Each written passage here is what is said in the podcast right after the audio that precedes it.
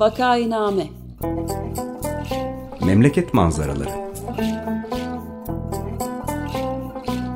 Hazırlayan ve sunanlar Güven Güzeldere, Ömer Madra ve Özlem Teke.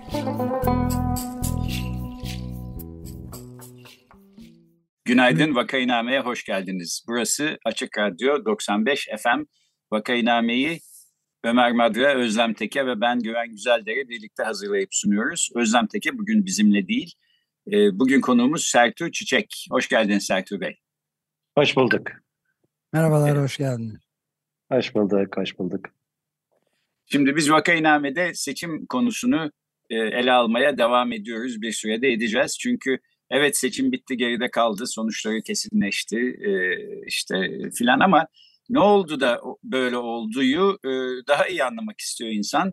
E, özellikle muhalif kesimde bunun ihtiyacının çok olduğunu görüyorum. Dolayısıyla bir süre daha e, seçim üstüne her ne kadar muhalefetin kendisi bu konuyu pek ele almak istemiyor gibi gözükse de ya da pek istekli gözükse de istekli gözükmese de biz buna devam etmeye çalışacağız. konuğumuz Sertu Çiçek, T24'ün genel koordinatörü. kendisi ee, Ankara'da Siyasal Bilgiler Fakültesi İktisat Bölümünden mezun. Ee, İngiltere'deki Birmingham Üniversitesi'nde de ekonomi yüksek lisansı var. 1989'da Cumhuriyet Gazetesi'nde e, gazeteciliğe başlamış. Sonra çeşitli mecralarda e, işte kah akademiye geçerek kah gazeteciliğe dönerek bu işe devam etmiş. E, kendisiyle bugün konuşmak istediğimiz şeyler de aslında T24'teki köşesinden paylaştığı analizler e, sayısal analizleri ben çok faydalı buluyorum. Yani e, tahmin yürütmekten ziyade gerçekten sayılara bakıp bir takım sorulara cevap vermek önemliymiş gibi düşünüyorum. Örneğin evet. e, Cumhurbaşkanlığı seçiminin ikinci turunda katılım oranı düştü ama ne kadar düştü? E, ilk turda malum e, dört aday vardı, birisi çekilmişti, üç aday girdiler. E, işte Recep Tayyip Erdoğan, Kemal Kılıçdaroğlu ve Sinan Oğan. Sinan Oğan'ın oyları nasıl bir fark yarattı mesela? Peki ikinci tura kaldıktan sonra ve iki aday arasındaki ikinci tur seçimi olduğunda Sinan Oğan'ın oyları nasıl paylaşıldı? Ee, yine e, Sertu Çiçek'in e, son iki yazısının başlıklarından okuyorum. Mesela Kürt kökenli seçmenin ikinci tura ilgisi veya adaylara desteği sonucu etkiledi mi? E, hangi e, parti ne kadar oyla nerelerde kazandı ya da kaybetti. E, yurt dışı seçmen peki sonucu değiştirdi mi? Hangi yörelerden gelen yurt dışı seçmen oyları ne şekilde bir fark yarattı? Bunların hepsini merak ediyoruz ve bu konularda ben e, ciddi siyasal e, sayısal analizler doğrusu görmedim. Sertu Çiçek'in yazıları hariç. E, dolayısıyla kendisinden biraz bunları öğrenmek istiyoruz. Yani Evet sayılara baktığımız zaman seçimde arkada kaldığına ve bazı sayılara ulaşabildiğimize göre bütün sayılara ulaşamıyoruz doğru. Yani bir evet. insanın nasıl oy verdiğini yüzde yüz kesinlikle bilmek imkansıza yakın size söylemezse eğer ya da yalan söylerse. Öte yandan işte geçenlerde eski CHP milletvekili Abdüllatif Şener ikinci e, tur oylamada Cumhurbaşkanı'nda geçersiz oy attım dedi. Halbuki sandığından hiç geçersiz oy çıkmamış. Dolayısıyla e, o bir e, yalancı acemiliğine geldi herhalde. E, böyle şeyleri bilmek mümkün ama peki kime oy atmıştı ya da ne yapmıştı bunu bilmek mümkün değil. Fakat yine de oy dağılımları üzerinden sayısal analizler bence çok faydalı. E, Sertü Bey bize biraz e, şöyle seçimin panoramasını yani geriye artık geride kalmış bir seçim geriye evet. dönüp bakıyoruz ama bir sonraki seçimde ne olacağını anlayabilmek için de aslında bu seçimi herhalde iyi analiz etmek lazım. Siz seçim öncesi e, işte öngörüye dayalı bir takım analizlerde de bulunmuştunuz. Daha sonra iki yazınızda da seçim sonrası durumu değerlendirdiniz. Bize genel bir evet. panoramik e, görüntü verebilir misiniz? Evet. Ya aslında e, seçim öncesi yaptığım e, analizlerin e, oldukça önemli olduğunu ben de düşünüyorum. Şundan dolayı e, burada bir grup gazeteci arkadaş e, bu biz yaptığımız analizler üzerinden şunu görmüştük. E, o anki anket sonuçlarına göre bile ki anket sonuçları biliyorsunuz e, özellikle MHP oyları ve Yeşil Sol Parti oylarında epeyce bir sapma yaşadı. Cumhur İttifakı lehine sapmalar yaşandı üstüne üstlük. Ona rağmen meclis çoğunluğunun başa baş olduğunu en iyi ihtimalle görebiliyorduk. Çok basit bir simülasyonla ki o günkü oy oranları işte CHP'nin yüzde otuza yakın e, görünen oy oranları vardı. E, MHP'nin oy oranı biraz daha düşüktü. Yüzde altı yedi civarındaydı. Buna rağmen basit bir don sistemi yani Türkiye'deki mevcut seçim sistemiyle e, partiler bu oyları alırsa milletvekilinin dağılımı nasıl olur diye baktığımızda e, çok büyük bir e, bilimsel analiz yapmadık burada. Basit bir yöntem kullandık ama o yöntemi ciddi kullandık. E, parlamento dağılımını yaklaşık olarak görüyorduk. Zaten ben seçim sonrasında e, simülasyonu tekrarladığımda gerçekleşen oy oranlarıyla artı eksi iki gibi yüzde bir buçuk iki aralığında bir hata payıyla simülasyonun çalıştığını gördüm. Şimdi koca koca partilerimiz var. E, özellikle muhalefet partileri. Acaba bunu yapmıyorlar mı? E, ben çok ciddi araştırma, kamuoyu araştırma şirketlerinin yöneticilerinin seçimden 3-5 gün evvel o günkü oy oranları üzerinden muhalefetin yani Millet İttifakı artı Yeşil Sol Parti'nin toplamda 320-330 en az milletvekili çıkaracağı tahminlerini duyuyordu. Bu gerçekten e, ülkemiz için, e, muhalefeti için e, ciddi bir kayıp diye düşünüyorum. Çünkü e, basit bir yöntemle bu sayıların aslında don sisteminin buna izin vermeyeceğini görmek mümkündü. 10 puan bile düşse e, AK Parti'nin oylarının milletvekili sayısının o kadar da değişmediğini özellikle küçük illerde görüyorduk. Şimdi bu, bunun bir altını çizmek istiyorum. Ben bugün e, yeni bir seçim olduğunda, ya yarın bir gün belediye seçimlerinde de belediye meclisleri biliyorsunuz önemli kurumlar. Aynı don sistem orada da geçerli. E, şu anda İstanbul Büyükşehir Belediyesi'nin yaşadığı sorunu e, neden yaşıyoruz? İşte bir e, baktığınızda Büyükşehir Belediye Başkanı e, Cumhuriyet Halk Partisi'nden Millet İttifakı'nın ortak adayı ama mecliste çoğunluğu yok. Birçok işi bu nedenle yapamıyor, eksik yapabiliyor. Neden? Çünkü meclis çoğunluğu gene don sistemiyle belirleniyor. Aslında bunu partilerin öncesinden düşünüp taşınıp bu projeksiyonları yapabilir olması çok önemliydi diye düşünüyorum ve bugün yeni bir seçim olsa mevcut e, partilerimizin e, özellikle muhalefetteki partilerimizin bunu yapıp yapmayacaklarından hala emin değilim. Bunun öncelikle altını çizmek istedim. Bunun dışında e, buyurun. E, e, e, gayet iyi böyle devam edelim. Tamam. Peki şimdi seçim sonuçlarına çok kabaca bakarsak aslında bu konuda e, e, çok insanın söylediği şeyleri tekrar etmiş olacağım belki ama belki de tekrar etmek lazım. AK Parti 2002 oyuna döndü. E, fakat esas mesele AK Parti'nin 2002 oyuna dönmesinden çok oradaki düşen oylar nereye gitti?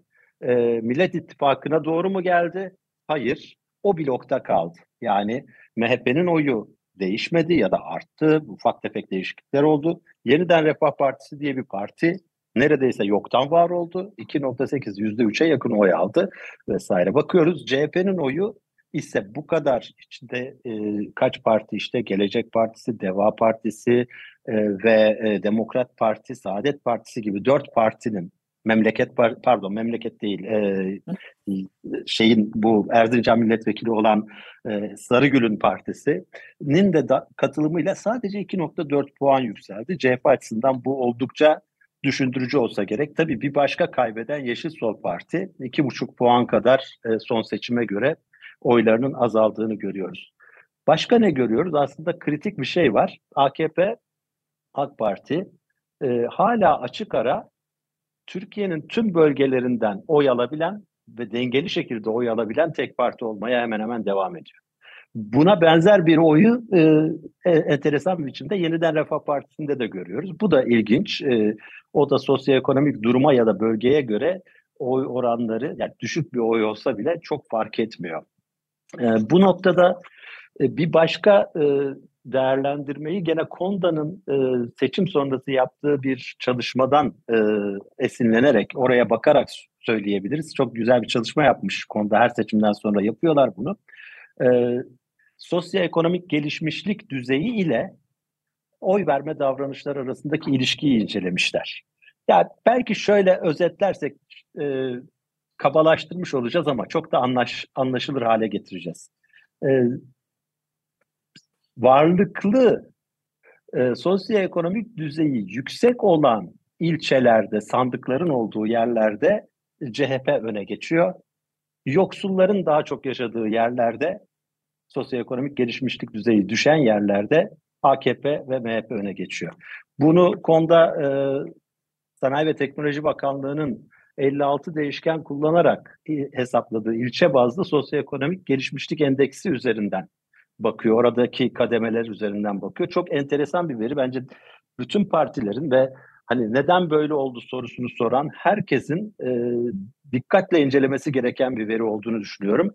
E, bunun üzerinde belki biraz daha çalışmak gerekebilir ama Konda'nın e, açık biçimde e, halka da sunduğu, kamuoyuyla paylaştığı araştırmasında temel verileri görmek mümkün. Bunu e, her ilgiliye özellikle siyasi parti temsilcilerine tavsiye ediyorum. Bakın şöyle bir sonuç var. Konda'nın raporundan aktarayım.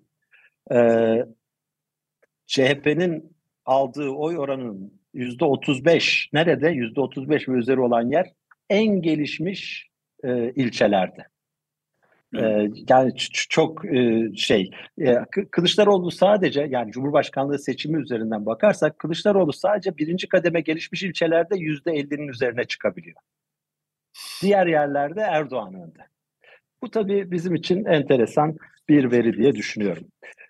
Katılım oranı konusunda da Yine Cumhurbaşkanlığı seçimi üzerinden gidelim. Türkiye'de seçimlere katılım gerçekten hani dünyada ilk üçe giriyor bildiğim kadarıyla. Bir Avustralya'da yüksek sanıyorum. Bazen yüksek oluyor. Onun dışında e, yani Avrupa'da, Amerika'da birçok yerde yüzde 40-70 arasında değişen oranlar. Türkiye'de ise neredeyse yüzde 85 civarında ortalama bir 85-90 arasında seçimlere katılım oranı var ve bu seçimde de gene e, birinci turda Türkiye yurt içinde yüzde 88.92, ikinci turda bu düşüyor 3.2 puan, yüzde 85 ki gene çok yüksek bir katılım oranı. Ee, Türkiye'de belki de demokrasinin ya da e, ne diyeyim yönetime katılmanın herhalde tek yolu seçimler kaldığı için ne kadar kaldıysa insanlar oylarını çok önemsiyorlar. Gerçekten çok yüksek bir katılım oranı. E, Türkiye'deki yaşayan bütün yurttaşları bu anlamıyla tebrik etmek lazım. En azından oylarını vermek konusunda katılımcılıkları çok yüksek. Dünyanın hiçbir yerinde de bu kadar yüksek ve istikrarlı bir katılım oranı ben görmedim.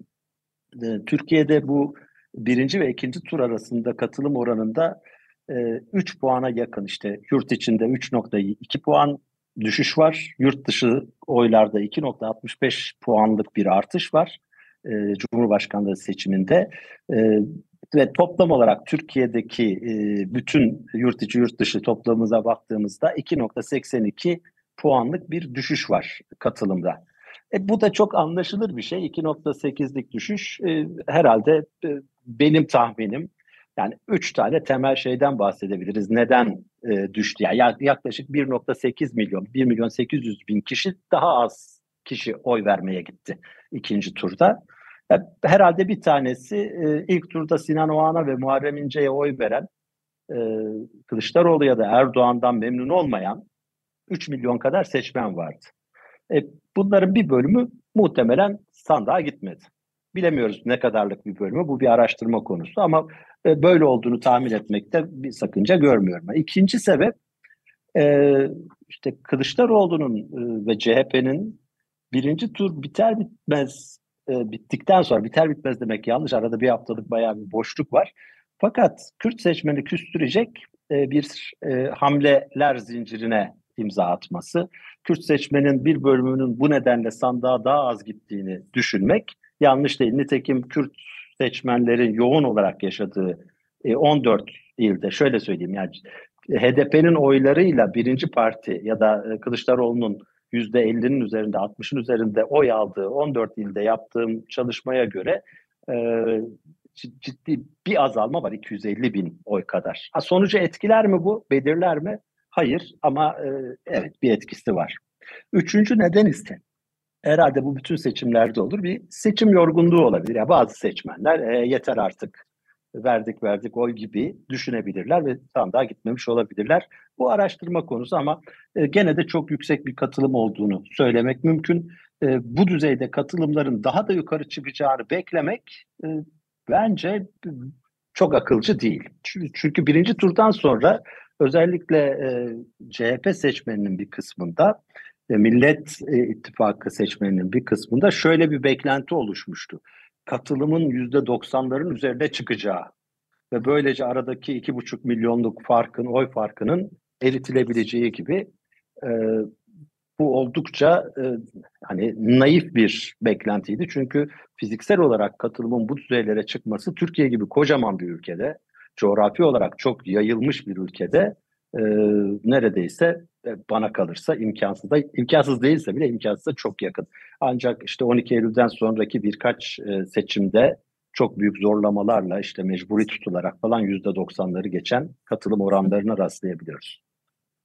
Peki, Başka buyurun. Affet, e, e, buyurun siz bitirin ben arkadan bir soru daha soracağım. Ben şimdilik burada durayım. E, çünkü o kadar çok konu var ki anlatılabilecek, söylenebilecek. E, sizin için önemli olanlarla devam etsek daha tercih ederim.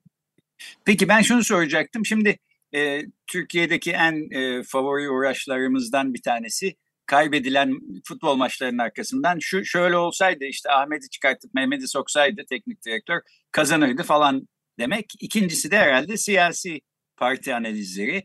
Ee, Yani herkes bir şeyler öneriyor. İşte şununla ittifak yapıldığı için kazanamadı muhalefet ya da bununla yapsa kazanırdı. Şöyle yapsa başka türlü olurdu falan. Sizin e, bu sayısal analizler sonucunda gördüğünüz bu tür bir şeyler var mı? Yani muhalefet başka türlü bir şeyler yapsa seçimi kazanabilirdi ama yapmadığı için kazanamadı e, diyeceğiniz unsurlar var mı? Ben şeyi de ekleyeyim buna izin verirseniz. Yani muhalefet seçimlerin arkasından herhangi bir yalnız sayısal değil herhangi bir yorumda yapmış gibi gözükmüyor bana fazla doğrusu. Büyük bir suskunluk içinde. Yanılıyor muyum? Bence yanılmıyorsunuz. Bence muhalefetin zaten birinci turdan sonra bir B planı olmadığını, yani ikinci tur planı bile olmadığını düşündürecek kadar büyük bir suskunluk dönemi yaşadı muhalefet. Yani 14'ü gecesi e, o gece ikinci tur için kampanyaya e, başlayan bir Millet İttifakı'nın alacağı sonucun daha farklı olabileceğini ben kendi adıma düşünüyorum. Yani son 3-4 gündeki performanslarını 15 güne yayabilselerdi e, ve bu e, karşı tarafın rakiplerinin taktiklerine cevap verebilen taktikler geliştirselerdi daha görsel vesaire sonucu değiştirebileceklerine e, değiştirebileceklerini bir düzeyde en azından çok yakın sonuçlar çıkacağını ben kendi adıma düşünüyorum ama sayısal olarak görebildiğimiz benim sayısal olarak söyleyebileceğim en, en önemli şeyi aslında az önce söyledim. E, bugün Türkiye'de CHP'nin hani CHP üzerinden şekillenen bir Millet İttifakı e, olduğunu söylüyoruz. E, aynı şekilde bunun bir kısmı e, İyi Parti için de geçerli. Millet İttifakı açısından birinci kademe sosyoekonomik gelişmişlik düzeyi birinci kademe olan yerlerden 2, 3, 4, 5, 6, 7 kademe var yanlış bilmiyorsam. Oralara doğru politikalarını geliştirecekleri e, şu çok önemli bir alan olduğunu düşünüyorum. Esas iş e, gerçekten yoksulların e, kahrını hissedebilmek. Bence AKP hala Türkiye'nin her yerinden dengeli oy alabiliyorsa e, bunun AKP'nin becerdiği, AK Parti'nin becerdiğini muhalefet partileri de en az onun kadar becermek zorunda. Aksi takdirde bu böyle devam edip gidecek. Ben e, hani bir e, büyülü bir şey olacak da iktidar değişecek ki inanan birisi değilim. E, yıllardır. E, şey de yapmak istemiyorum Güven Bey. Hani e, muhalefet ne yapsaydı seçimi kazanırdı da ve benim de kendimce fikirlerim var. Ama bu iş bence o kadar basit değil. Çünkü muhalefetin bir politika eksikliği ya da hani bir söylem eksikliği bunlar tartışılır. Bunlar var. Ama bence örgüt eksikliği hepsinin önünde. Yani muhalefet e, seçmenle birlikteliğini sağlamakta, seçmenle bütünleşmekte biraz sıkıntı çekiyor diye düşünüyorum. E, o da örgüt demek. E, Birçok e, parti teşkilatlarının kapı kapı ne kadar dolaştığı, sıradan insanların e, siyasetin içerisinde kendini ne kadar ifade ettiği gibi şeyler. Bence e, iş çok daha derinde. Yani sadece söylem meselesiyle halledebilecek bir şey olduğunu düşünmüyorum. Bu arada hani e, şunu da söylemekte fayda var. E, gerçekten bir analiz yapılıyor mu? Ben endişeliyim. Ya benim işte Güven Bey merak etmiş diyor ki bu sayısal analiz önemli.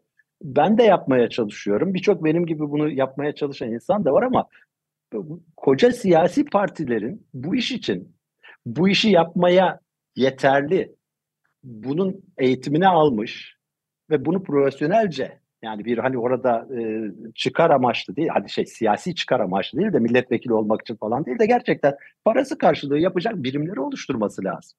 Bu ciddi bir iş. Yani nereden oy alıyorsun, hangi sandıklardan, ne kadar oy alıyorsun, ne, niye alamıyorsun? Görmek ve buna uygun politika geliştirmek ve buna bu politikayı hayata geçirecek bir kadro eğitimi, parti içi parti içi eğitimleri sağlamak bu bu bunu yapmaya yönelik bir adım ben e, henüz e, göremiyorum. Çok e, yani yakın zamanda da görebileceğimiz gibi bir şeyde e, öyle bir umut da e, çıkmadı. Yani şu ana kadarki seçim sonrası yaklaşımında partilerin. Evet ben bu konuda size tamamıyla katılıyorum. Yani bu büyük partilerin çok büyük bütçeleri var bunu yapabilecek aslında mal, mali imkanları falan var. Buna rağmen gerekli mi görmüyorlar, ne sebepten yaptırmıyorlar bu sayısal analizleri bilmiyorum ama çok büyük bir eksik olduğu kanaatindeyim. Belki iktidar partisi aslında yaptırıyordur. Yani bunları böyle şeffaf bir şekilde paylaşmadığı için bilmiyoruz ama evet. muhalefet partisi yapıyormuş gibi gözükmüyor.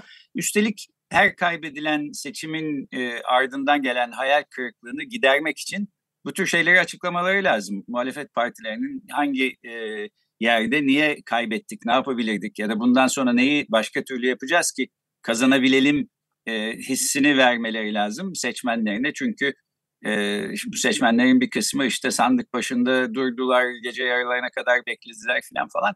Bunun yarattığı e, hayal kırıklığının e, muhalefetteki sessizliğin yarattığı hayal kırıklığı ne kadar büyük olduğunu anlatmam zor.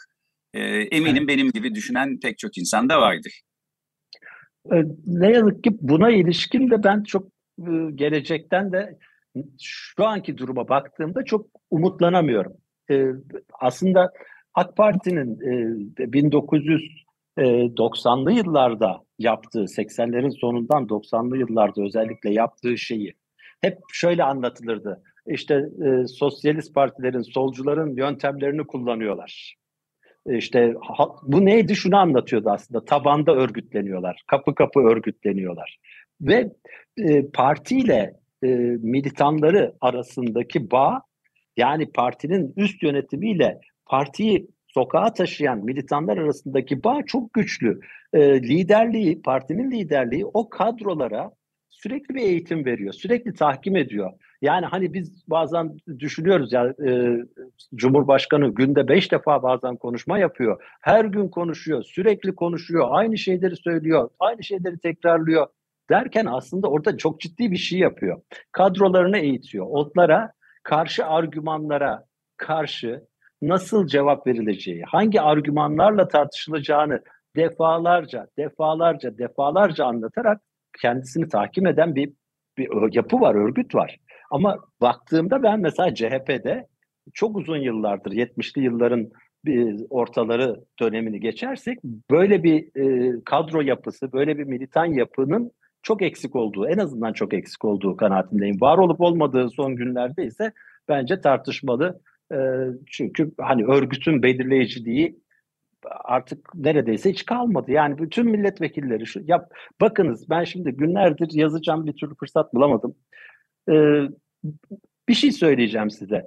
Cumhuriyet Halk Partisi 39 milletvekili verdi değil mi? Ee, diğer ortaklarına Millet evet. İttifakı'ndaki. E, sayalım 15 tanesi e, DEVA'ya.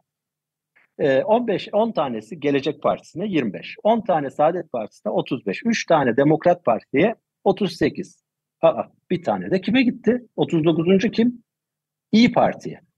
Peki e, siz biliyor musunuz İyi Parti ile yani İyi Parti ayrı girdi. Neden CHP listesinden birisi seçildi de İyi Parti'ye gitti? Hemen aklımıza şu geliyor değil mi? Fermuar liste yaptıkları illerin birinde oldu herhalde bu. Benim aklıma bu geldi. Çok araştırdım. Fermuar liste yaptıkları 14 ilin hiçbirinde iki milletvekili kazanmadılar. Fermuar listenin anlamı şuydu. O ilde birinci aday daha güçlü olan partinin adayı o partinin adayıyla giriyorlar. İkinci aday da diğer parti seçime girmiyor, ikinci aday olarak yazılıyor. Şimdi İyi Parti'den birisinin seçilebilmesi için fermuar listenin olduğu illerin birinde iki milletvekili kazanılması lazım. Bakıyorum yok.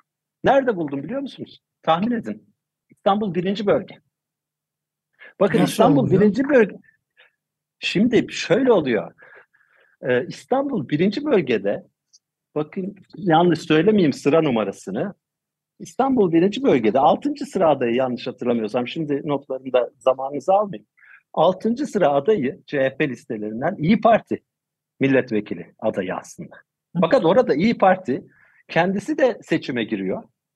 Bakın İstanbul birinci bölgede Ahmet Ersagun Yücel İyi Parti'ye geçti zaten hemen seçimi biter bitmez. Ya bu olacak iş mi? Şimdi bunu e, İstanbul birinci bölge muhtemelen Ömer abi siz orada oy verdiniz. E, biliyor muydunuz İstanbul'daki hangi birinci bölge seçmeni acaba CHP listesinde bir tane İyi Partili olduğunu biliyordu? Ya da bakın İstanbul birinci bölgede 12 tane milletvekili çıkarttı CHP. Kaçı CHP'li? Sadece altısı. Birol Aydın, Saadet Partisi, Elif Esen, DEVA, Hasan Kartal, DEVA, Cemal Erginyurt, Demokrat Parti, Selim Temurcu, Gelecek Partisi. Bakın 12 CHP milletvekilinin İstanbul birinci bölgede 6 tanesi ittifak ortaklarına verilmiş. Tamam anladım diğerlerini. Fakat İyi Parti niye? İyi Parti'nin orada e, kendi bağımsız listesi var. Neden oradan girmiyor? Oraya bir tane İyi Partili monte edilmiş. Örgütün haberi var mı? Bence yok. Çok ilginç bir durum yani. Şimdi bakın ben bunu yazacağım. Çok e, hani herkes bir şeye vuruyor bugünlerde. Onun bir parçası da olmak istemiyorum işin açıkçası ama e, gerçekten üzücü bir durum. Bakın İstanbul ikinci bölgeye bakıyorum ben. 8 tane CHP'li seçilmiş. Kaçı CHP'li? 5'i. İstanbul 3. bölgeye bakıyorum. 11 tane milletvekili CHP listelerinden seçilmiş. Bunun 4'ü dışarıya verilmiş. Bakın yani Türkiye'nin en büyük oy deposu. Birinci parti olmazsanız Türkiye'de seçimi kazanmanızın imkansız olduğu bir yer diye hep anlatılır. İstanbul doğru, doğrudur da bugüne kadar hep öyledir. Durum bu. Toplamda İstanbul'da e, İstanbul'da 31 tane milletvekili çıkartmış Cumhuriyet Halk Partisi. Bunun 13'ünü yüzde 41'ini neredeyse yüzde 42'sini diğer partilere vermiş. Ya bu şimdi büyük illere baktığımızda Ankara'da durum benzer yüzde otuzunu vermiş işte İzmir'de benzer bir durum var toplam hani 14 tane vekilin İzmir'de kaçını vermiş bulmaya çalışıyorum. Dördünü vermiş yanlış görmüyorsam. Galiba da ee, sürenin de sonuna gelmekteyiz. Evet. Şimdi çok, çok sürreel bir durum var yani. Evet evet şimdi burada anlatmaya çalıştığım şey şu. Ben bunu kime söylesem ya biliyor musunuz bu 39. vekil nereden diye kimse bilmiyor. İstanbul birinci bölge deyince herkes şaşırıyor. Bakın bunu hiçbir CHP seçmeni de bilmiyordur. Evet. Bence CHP örgütünün de büyük bir kısmı bilmiyor. Zaten liderlikle örgüt arasında ve o örgütle oy verenler arasında, seçmen arasında bu kadar büyük bir kopukluk olunca oradan bir başarı hikayesi çıkması bence çok zor. Çok zor. Asıl sorun burada e, Güven Bey. Yani hani ne yapılırsa ne olur da bu yapılmadığı sürece elde edilecek başarı da bir isim üzerinden ve geçici başarı olur en fazla. Bana öyle geliyor. Bunu çok iyi anlamış bulunuyoruz. Çok teşekkürler. Sahiden böyle tuhaf durumlar var ve yani bunları seçimden önce belki bir tür tahminle ancak e, akıl yürüterek e, ortaya koyabilirdik ama seçimden sonra işte sayılar böyle söylüyor. Dolayısıyla hesap verilebilirlik ve şeffaflık geriye bakarak bu sayılar üzerinden olmalı. Yani niye şu kararı verdik de böyle bir sonuç çıktı? Yanlış mı yaptık, doğru mu yaptık? Bunun söylemeleri gerekiyor bence e, seçimi evet. kaybedenlerin ve açıklamaları gerekiyor bir şekilde. E, herhalde bendeki ve herkeste de gördüğüm e, bu tatminsizlik duygusu da e, bunun eksikliğinden kaynaklanıyor diye düşünüyorum. E, çok teşekkürler. Böylece çok bitirelim. Teşekkürler. için e, bugün e, konuğumuz T24 Haber sitesinin genel koordinatörü ve iktisatçı Sertu Çiçek'ti. Seçimler üzerine e, sayısal analizlere dayanarak bazı gözlemlerini bize sundu. Çok teşekkür ediyoruz Sertu Bey. Ben çok teşekkür ediyorum. Çok Benim için çok görüşmek. çok güzeldi. Bir onurdu bu programa katılmak. Sağ olun. İyi ki varsınız. Görüşmek üzere. Görüşmek üzere. Sağ olun. Hoşçakalın.